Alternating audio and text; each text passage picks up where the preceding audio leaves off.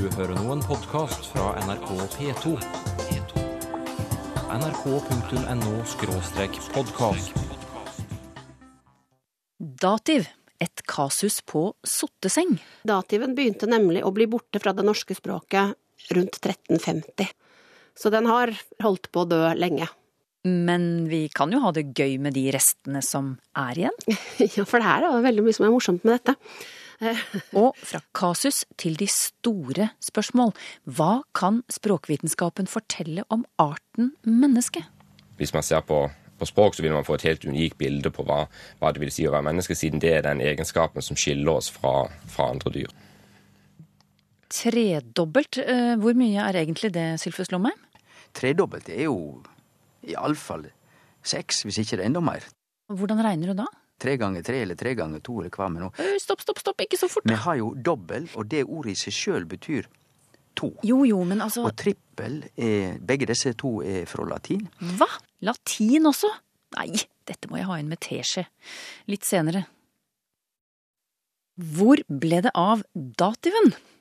Mange unge har dessverre mistet den, skriver Henry Vike, en lytter fra Vikebukt i Møre og Romsdal. Dette synes han er synd, og han ønsker at Språkteigen skal ta opp denne utviklingen.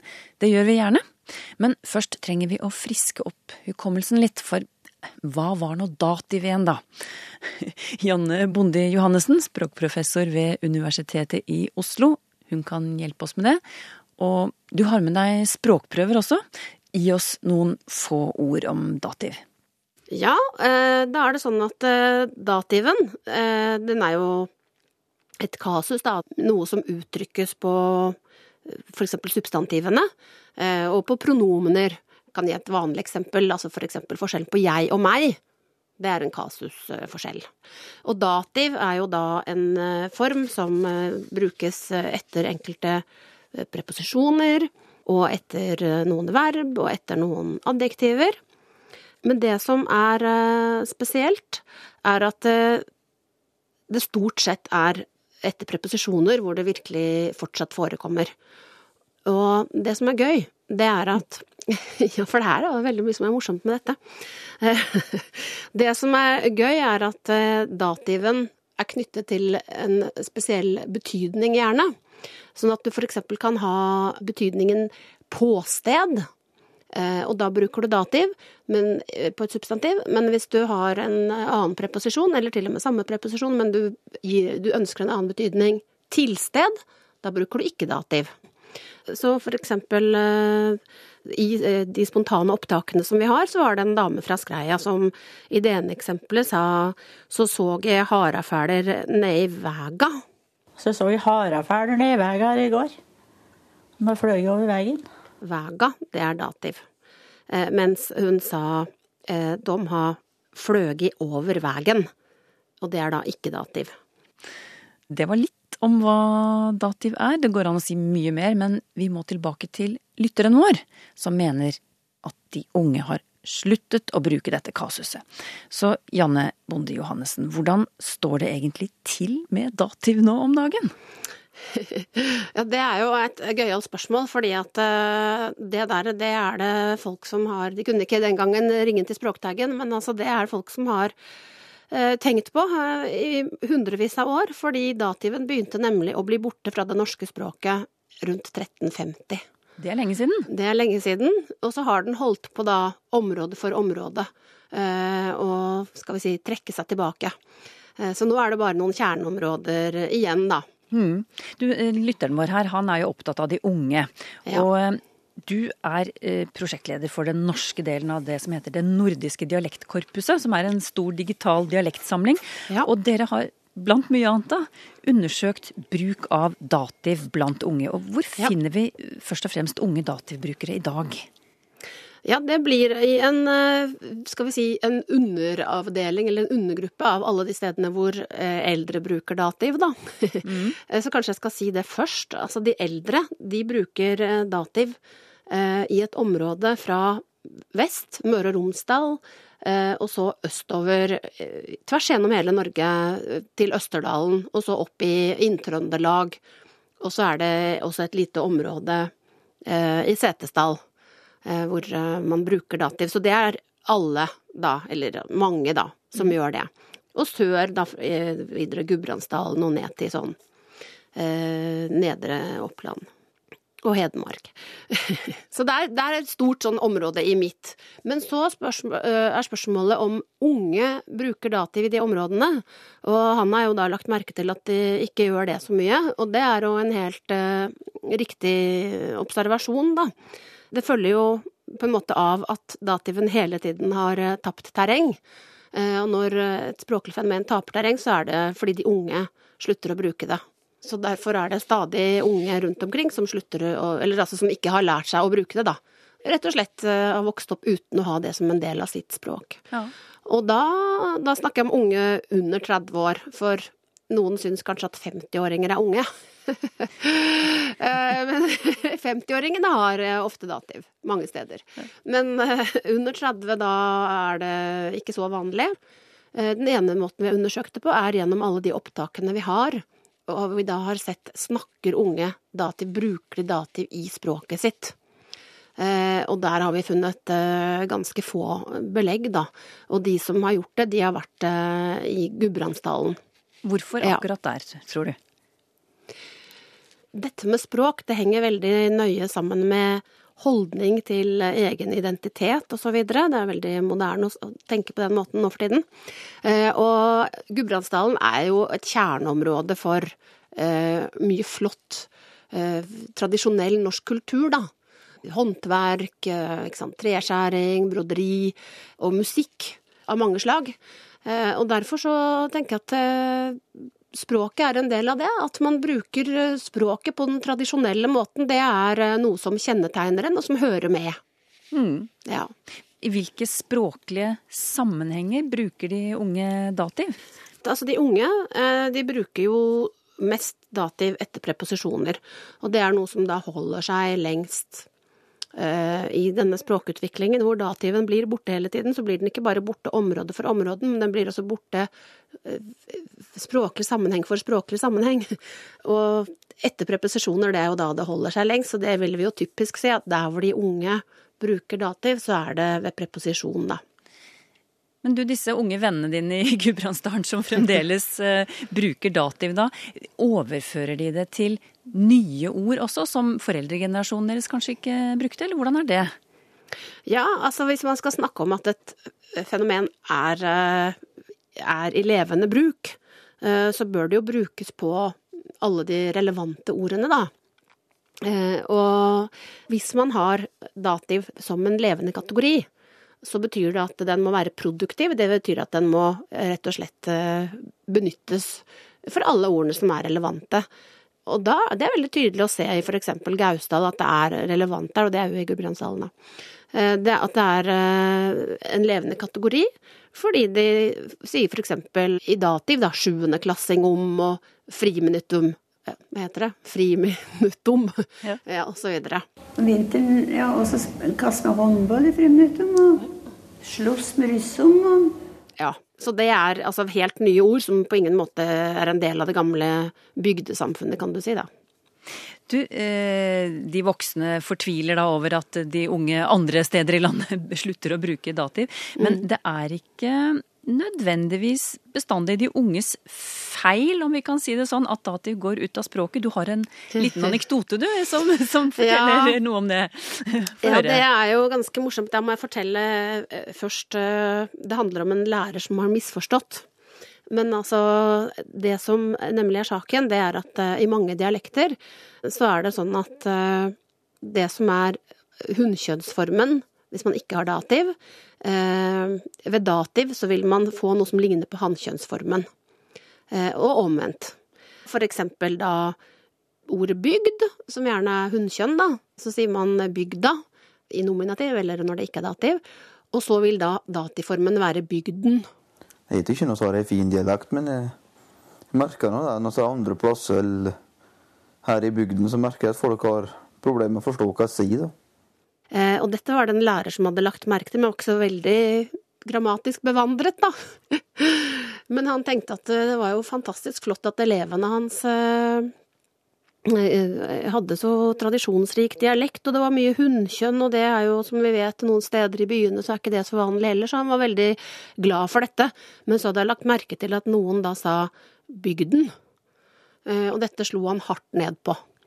Men han måtte ikke si bygden, for det var ikke riktig, det het jo bygda på det stedet. og det han gjorde, var jo i praksis å ødelegge den tradisjonsrike dativen, da. For de elevene. Hvis de da valgte å høre på han. Ja. Takk for den historien, Janne Bondi Johannessen, språkprofessor ved Universitetet i Oslo. Kassering. En gang til. Kassering. Ja, det er et av de mange nygamle ordene som språkforsker Tor Erik Gjenstad ved NTNU samler på. Og med nygammelt ord mener han et uttrykk som har gått ut av språket, selv om det ikke er så veldig gammelt. Vi skal mimre litt over noen av disse glosene i høst, og dagens ord er altså kassering. Det var sagt eh, for en del år siden eh, på min opprinnelige heimplass, eh, Sunndalen på Indre Nordmør, om utbetaling av trygde. Det var altså ingen som ble kassert, men kassering det var den her utbetalinga. Og det var da en kasserer som sto for det, og derav navnet. Hva vil det si å være menneske? For å finne de beste svarene på det spørsmålet må vi gå til språkvitenskapen. Det mener i alle fall språkforsker Terje Londal ved NTNU. Men hva legger du i det? At språket gir de beste svarene på hva et menneske er? Det vi egentlig mener med, med det, er jo at um, språk kan, kan, brukes til Hvis man ser på hva som skiller mennesker og andre dyr, så er det veldig mange forskjellige ting som skiller oss. Vi har en helt annen måte å kommunisere på. Um, men hvis vi går helt grunnleggende til verks, så viser det seg at, at det eneste dyrene ikke kan, som er, hvis du ser på alle, alle, mulige dyr, det eneste de ikke kan, det er nettopp å, å snakke. Um, og det må jo kvalifiseres litt, for vi alle kjenner jo til at det er enkelte apekatter som kan si noen få ord, eller kanskje noen helt enkle setninger, og vi har papegøyer som, uh, som, kan si noe. Men, men, det de ikke kan, det er å, å f.eks. skape veldig komplekse setninger. Så de kan ikke si f.eks. at uh, i går kom Jens hjem etter å ha vært på butikken for å kjøpe middag. Um, på lignende måte så kan de heller ikke snakke om, eh, om hva som har skjedd eh, tidligere. De kan ikke si at for et år siden så gikk de over Jostedalsbreen. Eh, slike ting går heller ikke. Og de kan ikke si hva de ønsker å gjøre. De kan ikke si noe om fremtiden, at neste år skal de på ferie til USA. Slike ting, slike ting, går ikke. Og Da er spørsmålet vårt hva er det som gjør at det er slike forskjeller? Hva er det som gjør at vi mennesker kan gjøre disse tingene helt uten problemer, mens dyr ikke, uansett hvor mye trening de får, så er de ikke i stand til det. Så det er noen helt grunnleggende forskjeller der. Eh, og det er derfor vi, jeg mener at hvis man ser på eh, ser på språk, så vil man få et helt unikt bilde på hva, hva, det vil si å være menneske, siden det er den egenskapen som skiller oss fra, fra andre dyr.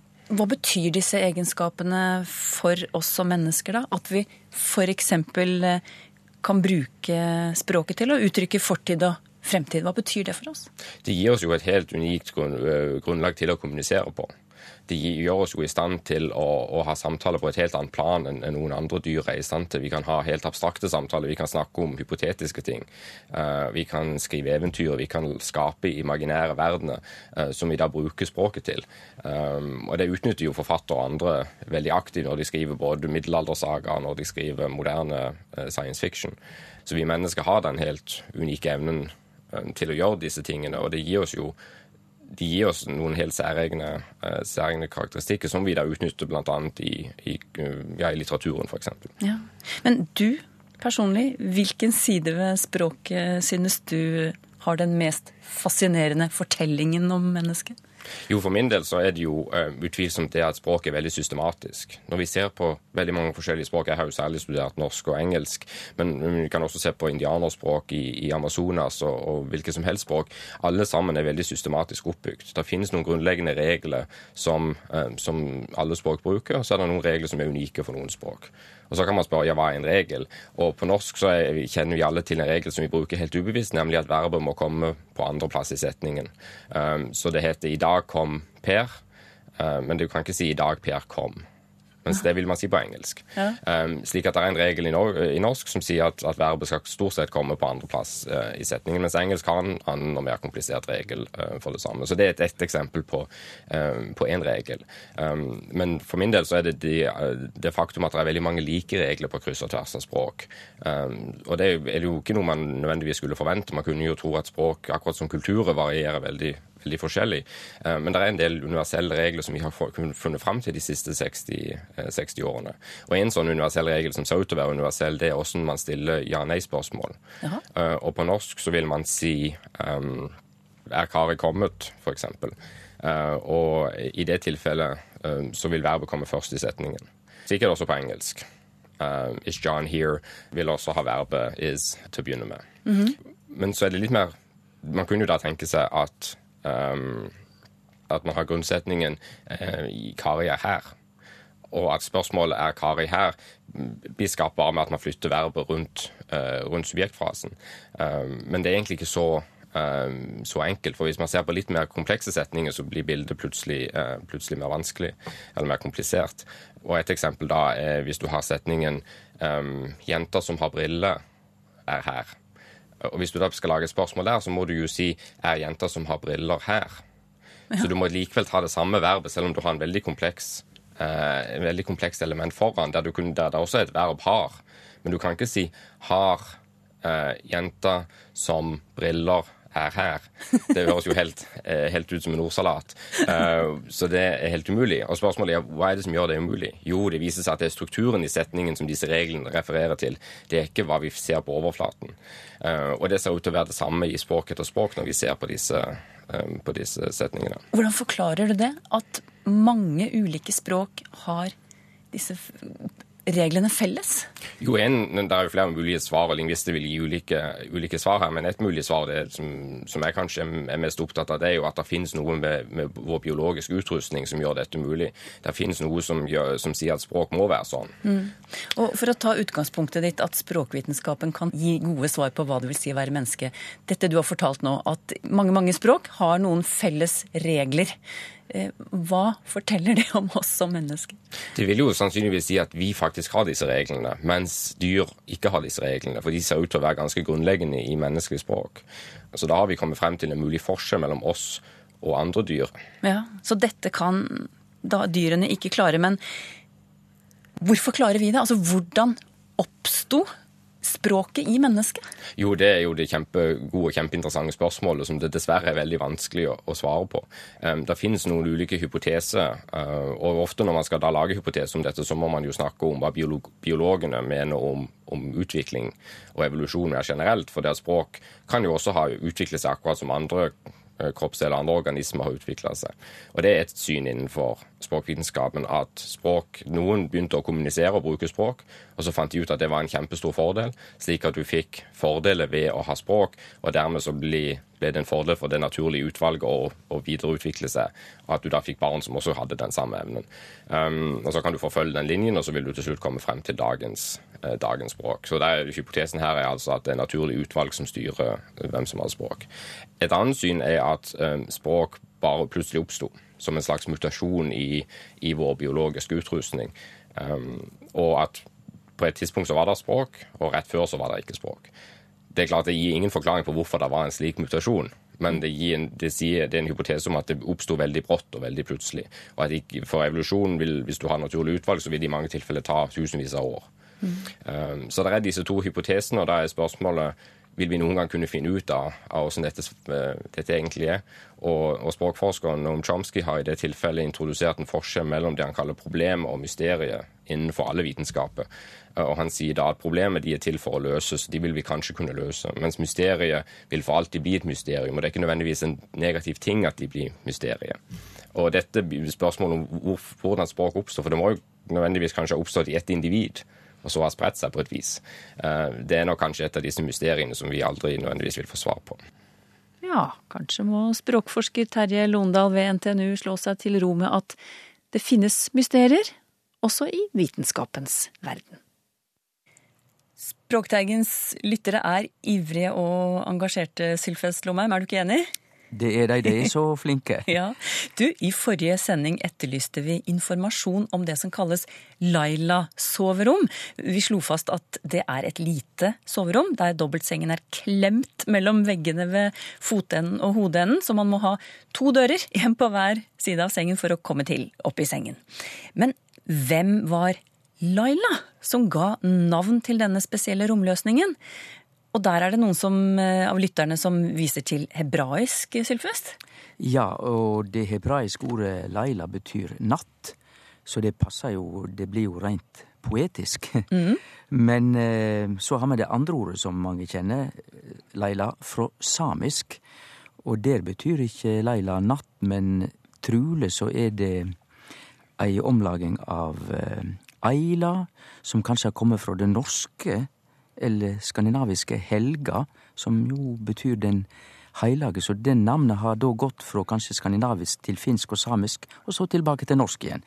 En liten snue. Og vårt jentenavn Leila er nok fra samisk. De fleste husker kanskje den kjente filmen fra mellomkrigstida som nettopp heter Laila. Ja, for det er eh, en lytter som eh, tror at kanskje det har noe med Lailas soverom å gjøre. Han ser for seg samepiken Laila og, og, og, ja, og spinner videre på det at det kanskje har noe med dette rommet å gjøre. Sammenligne rommet med en gamme osv.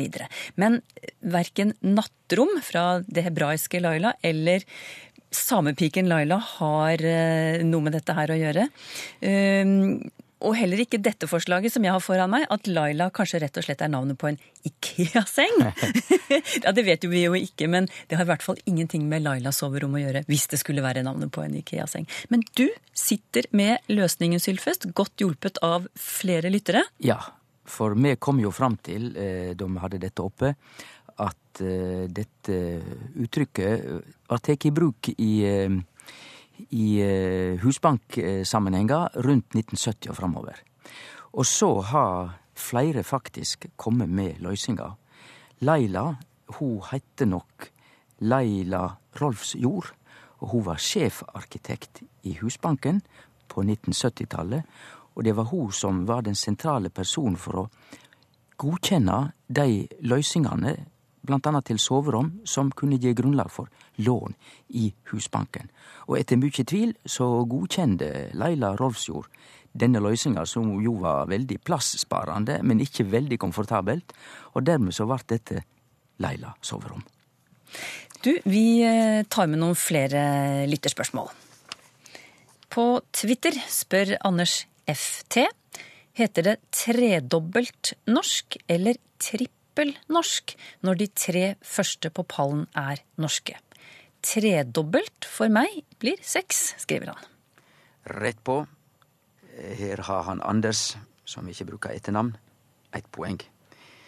Vi har lov til å bruke tredobbelt norsk i sportsspråk. Vi kan ikke arrestere journalister for det, men jeg er blant de som mener veldig alvorlig at vi kan holde det ute. Tredobbelt er jo iallfall seks, hvis ikke det er enda mer. Tre ganger tre eller tre ganger to eller hva med noe. Vi har jo dobbel, og det ordet i seg sjøl betyr to. Altså når det er to stykker. Og trippel er Begge disse to er fra latin. Og trippel er, er da når det er tre av et slag. Tre stykker. Og derfor så er det iallfall språklig logisk mye bedre å si at det vart trippelsiger for nordmennene når det er tre stykker på pallen. Tom Brodin spør rett og slett kommer det norske ordet juballong fra det franske uttrykket jeu de ballon? Det kunne vi godt tro, for eh, lydlig sett er ikke det stor skillnad på jeu de ballon, som er ballspill direkte omsett, og juballong. Eh, men eh, ordbøkene sier noe annet. De er ikke sikre, men de mener nok at dette er sannsynligvis eh, ei forvansking av jubel, som har blitt til juballong. Og en ballong er jo gjerne knytt til fest og festlighet, og dermed så har ballongen kommet med jubelen. Og ordet jubel har med, det er lang historie, men det skriver seg like fra gammelt hebraisk, det det betydde bukk, sauebukk. Og hornet på denne bukken ble brukt til å spille på ved festligheter så langt tilbake som i Sinai-ørkenen og Moses, og derifra med jubel, horn, spel, markering som har med jubelår og jubelmarkering og i det hele tatt heile rekka med bruk av jubel i europeiske språk. Det var Språkteigen for i dag. Neste gang får du annet høre hvordan ordet hvitevarer fikk helt ny betydning. Rett og slett fordi vi nordmenn ble så glad i farger. Språkteigen om en uke.